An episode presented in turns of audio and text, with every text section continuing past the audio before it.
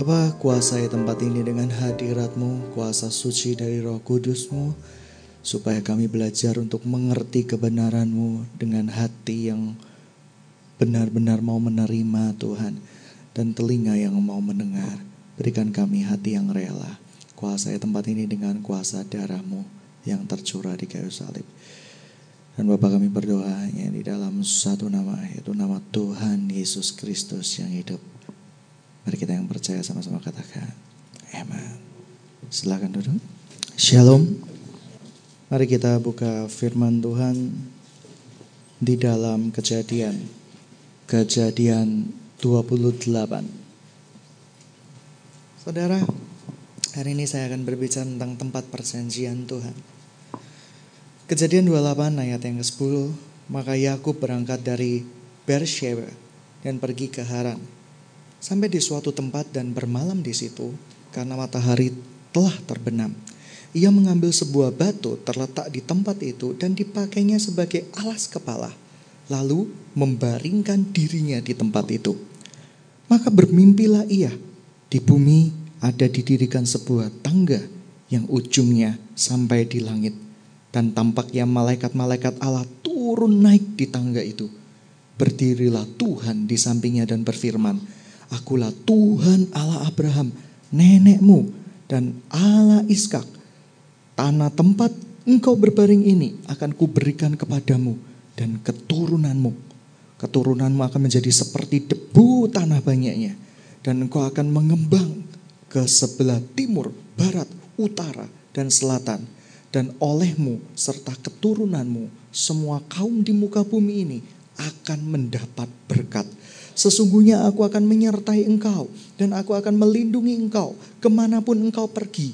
Dan aku akan membawa engkau kembali ke negeri ini sebab aku tidak akan meninggalkan engkau dan melainkan tetap melakukan apa yang kujanjikan kepadamu. Ketika Yakub bangun dari tidurnya, berkatalah ia, sesungguhnya Tuhan ada di tempat ini dan aku tidak mengetahuinya. Ia takut dan berkata, Alangkah dahsyatnya tempat ini.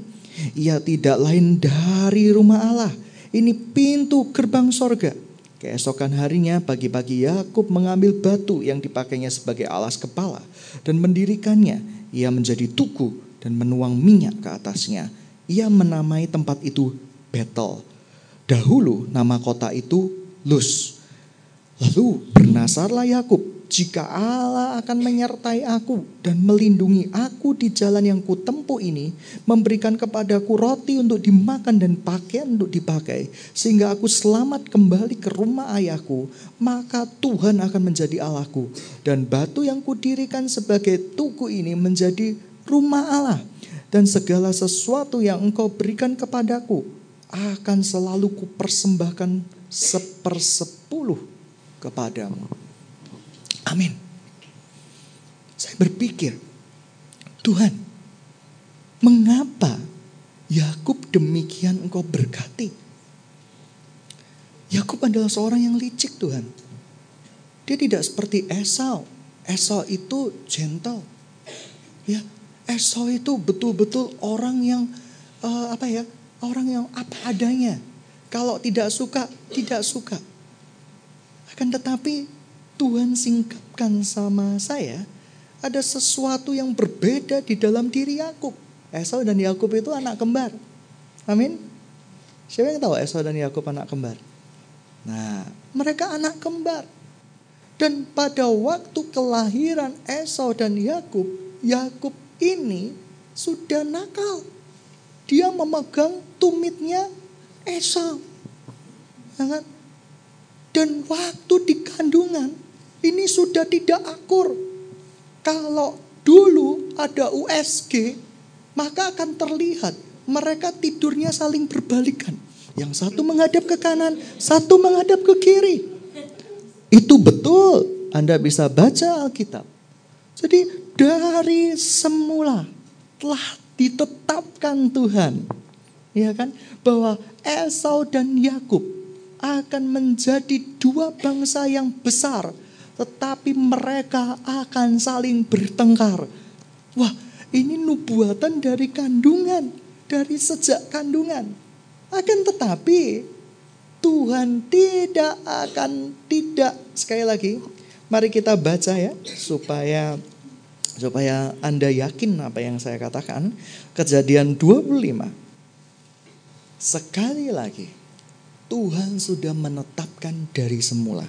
Kejadian 25 ayatnya yang ke-21. Berdoalah Iskak kepada Tuhan untuk istrinya sebab istrinya itu mandul. Tuhan mengabulkan doanya sehingga Ribka istrinya itu mengandung.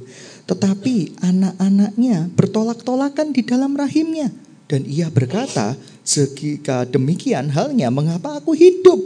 Dan ia pergi meminta petunjuk kepada Tuhan. Firman Tuhan kepadanya, dua bangsa ada di dalam kandunganmu dan dua suku bangsa akan berpencar dari rahimmu. Suku bangsa yang satu akan lebih kuat dari yang lain dan anak yang tua akan menjadi hamba dari anak yang muda. Oleh karena itu, ya, selain Esau punya sifat-sifat yang sebenarnya bagus, tetapi dia sangat meremehkan hak sulungannya sehingga dia menjual hak kesulungannya kepada adiknya, ya kan? Saudara, ketika keluar ini dua orang yang berbeda. Satunya seperti bintang film Korea. Wah, gitu ya. Wah, bintang Korea mulus mukanya, nggak usah facial gitu ya, berseri-seri mulus gitu ya. Hidungnya mancung, mulutnya betul-betul imut. Oh, enggak doer ya mulutnya imut, mulutnya betul-betul ini betul-betul tipe ke cowok metro. Wah, ya kan? Ya aku betul-betul licin sehingga lalat pun mau berseluncur di tangannya bisa. Demikian licinnya. Tapi Esau itu berbeda. Dia bintang film Mongol gitu ya. Badan besar, berbulu gitu ya betul-betul menunjukkan apa ya ciri khas pria sejati. Wah, gitu ya. Rambutnya keriting, badannya berbulu lebat. Wah, sangat enak, sangat nyaman. Ya kan? Loh, kalau kedinginan tidak perlu mantel. Amin gitu ya. Karena dari bulu-bulu tangannya sudah melindungi dia. Betul-betul seperti bintang film Mongol gitu ya.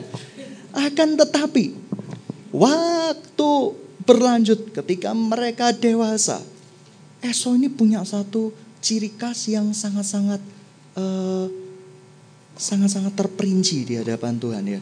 Dia orang yang sebenarnya uh, tidak punya visi, ya gampang aja easy going, tau nggak orang easy going?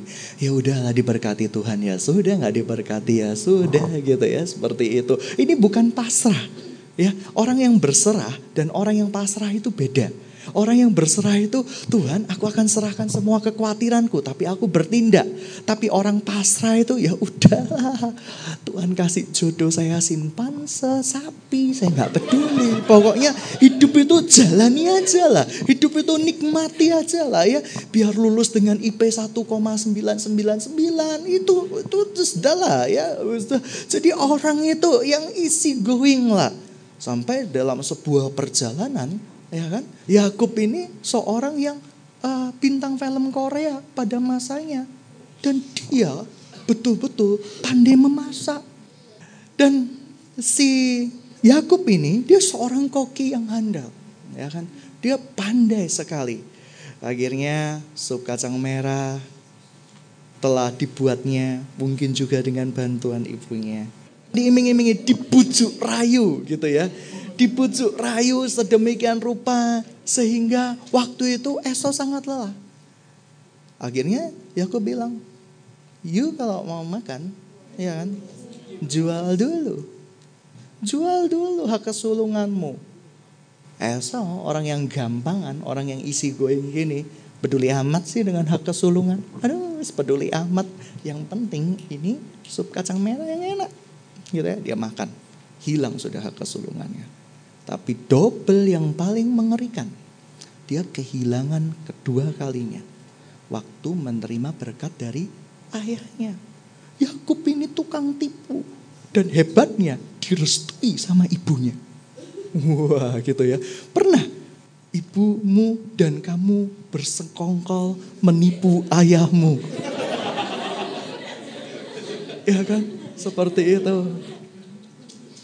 Jadi ibumu berkata, sudah bilang sama ayahmu, ya kukulmu di sini nih kanker stadium 5. Umurmu gak lama lagi gitu ya sehingga kamu perlu gitu ya perlu kamu mintalah mobil pasti ayahmu akan tergerak oleh belas kasihan pernah uh, ada ibu dan anak bersekongkol ria untuk mengerjain ayahnya kalau pernah Alkitab mencatat ini persekongkolan pertama antara ibu dan anak sejarah membuktikan dan Yakub ini masih takut-takut gitu ya dia berkata sama ibunya ini gimana toh bune gitu ya.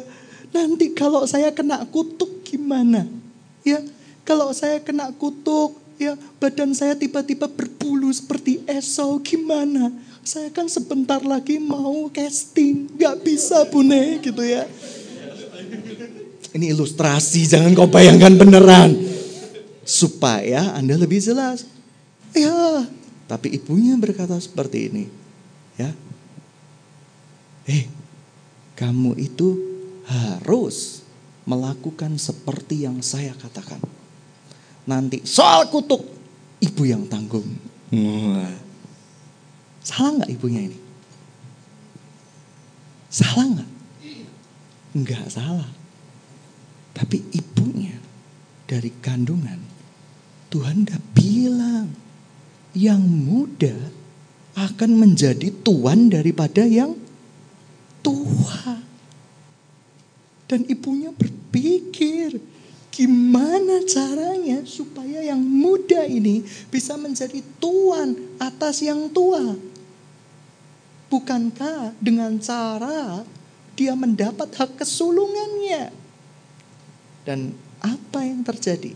Sekali lagi, dia menipu ayahnya dengan menggunakan mantel ala selebritis Hollywood, Bollywood, dan CMC Wood. Dia menggunakan mantel yang sangat-sangat tebal. Ya kan? Dilumurkannya tanah di mantel itu supaya baunya itu bau padang, parfum padang gitu ya. Kan kulitnya eh, kulitnya Yakub tuh sangat lembut Ya kan sehingga ketika dicium ini bau oh, sabun Lux gitu ya. Uh, ini sabun baby mungkin gitu ya. Sabun babi dan yang lain-lain gitu ya seperti itu. Wah, ayahnya pasti tahu. Ayahnya udah sangat tua, matanya rabun sehingga dia uh, menderita mungkin silinder 50 gitu ya, bukan berputar-putar, dia nggak bisa. Dia cuma melihat satu titik cahaya, titik cahaya gitu ya. Ketika Yakub datang dengan mantelnya itu, lalu apa yang terjadi? Dia menyangka Esau diberkatilah Yakub. Kamu akan menjadi bangsa yang besar, kamu akan diberkati. Tiba-tiba Esau datang. Aku ditipu dua kali. Ya, Nita Haizu yang ini ini wah gitu ya. Anakmu yang satu ini memang keterlaluan, kurang ajar gitu ya seperti itu bahasa roh gitu ya. Jadi anakmu yang satu ini memang kurang ajar dari kecil sudah uh, dari kecil sudah nipu aku ya dia dulu nipu aku dengan uh, saus mangkuk kacang merah gitu ya ya kan saya percaya ada rencana Tuhan yang indah. Dan ketika Esau ini meminta berkat dari ayahnya, Isa ini berkata bilang, aku udah gak ada berkat lagi, semuanya sudah kuturunkan. Ibaratnya kalau film-film kungfu zaman dahulu, tenaga dalamku ini udah tak kasih semua, aku nggak ada sisa-sisa. Sisaku ya itu penyakit-penyakit mau gitu ya seperti itu. Jadi nggak ada, nggak ada yang bisa diturunkan. Tetapi Exo maksa, dia menangis. Kalau semuanya diberikan kepada Yakub, aku ini dapat apa? Dia meraung-raung dan akhirnya, ya, Eskak memberikan berkat kedua dia berkata, hei, ya Esau, kamu akan menjadi hamba adikmu, kamu akan seperti ini, kamu seperti ini, tambah menangis soalnya, gitu ya. Akan tetapi Tuhan tuh luar biasa indahnya. Dia berkata, berkatmu akan bisa menjadi sama dengan berkatnya Yakub. Asalkan engkau bersungguh-sungguh untuk menjalankan hukumanku ini. Saudara, saya percaya cerita ini sudah menjadi cerita yang melegenda dan bukan legenda. Ini cerita nyata. Sekarang saya mau tanya. Mengapa? Mengapa Allah kok memilih Yakub tidak memilih Esau? Tuhan tidak adil dong. Nah, adil nggak? Kok dari semula apa Tuhan itu pencinta bintang film Korea? Sehingga dia lebih memilih yang uh, berbulu licin daripada yang berbulu. Apa Tuhan seperti itu? Ternyata dari semula Tuhan sudah tahu bahwa kedua anak ini akan memiliki sifat seperti ini dan seperti ini. Tuhan tidak menetapkan sifat anak-anaknya. Akan tetapi Tuhan dengan kemahatauannya dia tahu bahwa orang ini akan memiliki sifat yang serakah. Orang ini akan punya sifat yang rendah. Orang ini akan punya sifat yang terlalu easy going. Sedangkan orang ini punya sebuah sifat yaitu pemburu berkat Tuhan, pemburu perkenanan Tuhan dan itulah Yakub. Satu hari mengapa? Yang pertama, mengapa Tuhan begitu memberkati Yakub? Pertama, dia sudah menerima berkat kesulungan, hak kesulungan, sorry. Yang kedua, dia sudah menerima penumpangan tangan atas perjanjian berkat. Yang ketiga, ini yang paling penting. Dia melakukan apa yang sudah difirmankan Tuhan dari sejak semula. Yaitu apa? Tidak menikahi orang dari bangsa. Mari kita baca gitu ya. Kejadian 28 ayatnya yang ke-6. Ketika Esau melihat bahwa Iskak memberkati Yakub dan melepasnya ke padang Aram untuk mengambil istri dari situ, dan pada waktu ia memberkatinya, ia telah memesankannya kepada Yakub, "Janganlah ambil istri di antara perempuan Kanaan." Dan bahwa Yakub mendengarkan perkataan ayahnya dan ibunya dan pergi ke padan Aran. Maka Esau pun menyadari bahwa perempuan Kanaan itu tidak disukai oleh Iskak ayahnya. Sebab itu pergi kepada Ismail dan mengambil Malahat sebagai istrinya di samping kedua istrinya yang telah ada. Malahat adalah anak Ismail, anak Abraham, adik Nebayot. Ya, Yakub ini betul-betul mengerti tentang kehidupannya. Dia berpegang teguh pada perintah Tuhan. Jangan menikah dengan pasangan yang tidak seimbang. Karena waktu itu bangsa Kanaan adalah bangsa yang tegar tengkuk dan melukai hati Tuhan.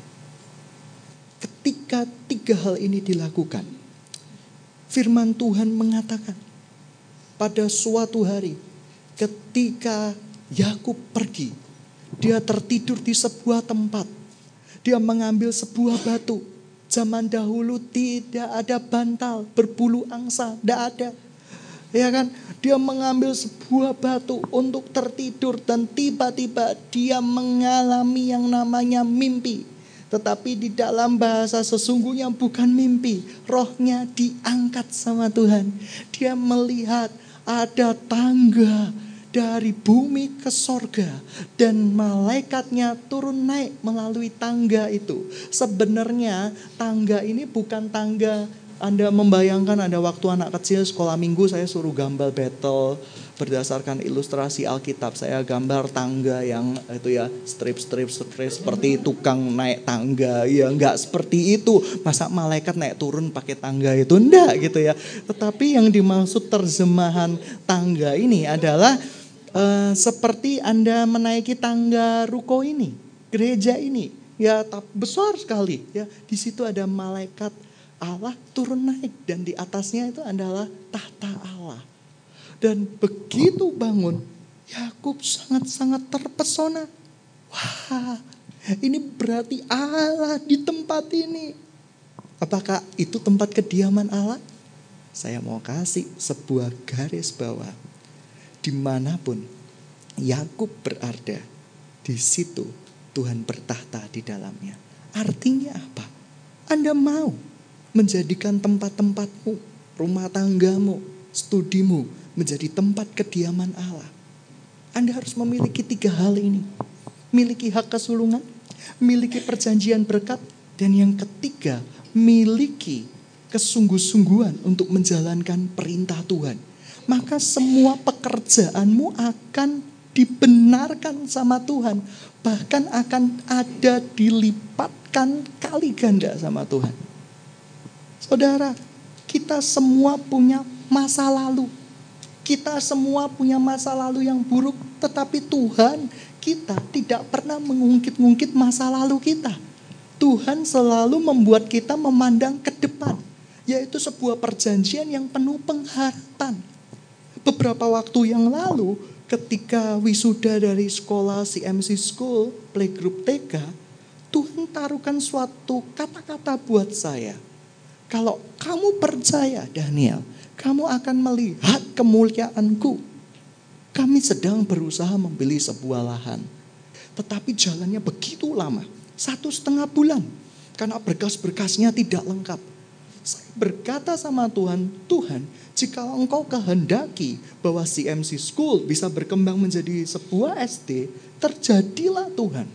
Tapi Tuhan mulai berkata kepada saya, kamu memegang hak kesulungan, itu pasti terjadi. Gerejamu memegang hak kesulungan, itu pasti terjadi. Yang kedua, gerejamu memegang perjanjian berkat, itu pasti terjadi. Akan tetapi gerejamu, ya gerejamu itu gereja yang kamu pimpin, bukan gereja kepunyaan saya. Yang ketiga, dikatakan di situ, di gereja CMC tidak terlalu banyak orang yang sungguh-sungguh menuruti kebenaran firmanku.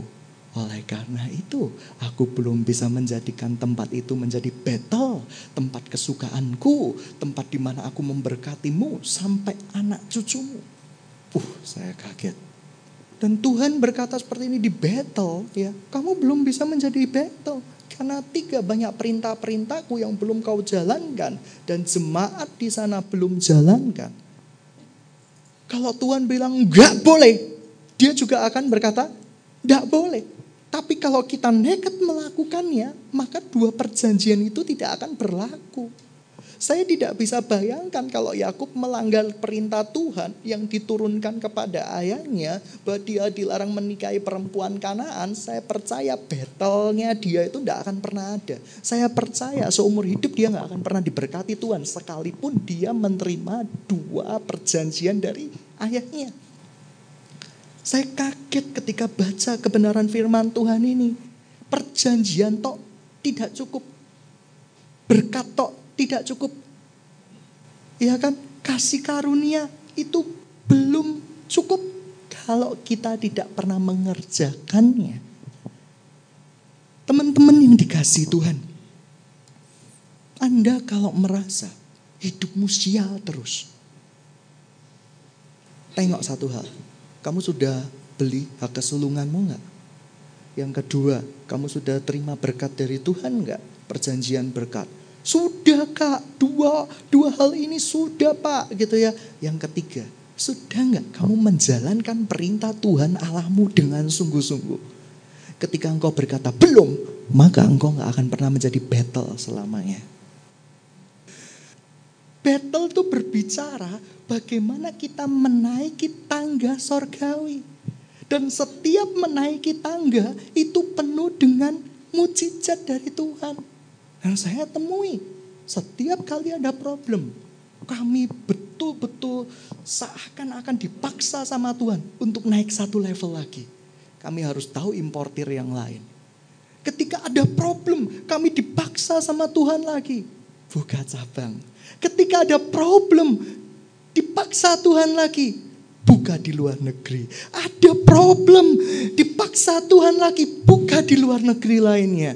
Dan Tuhan selalu membuat kita naik setahap demi setahap ke tingkat yang lebih tinggi atau tingkat sorgawi.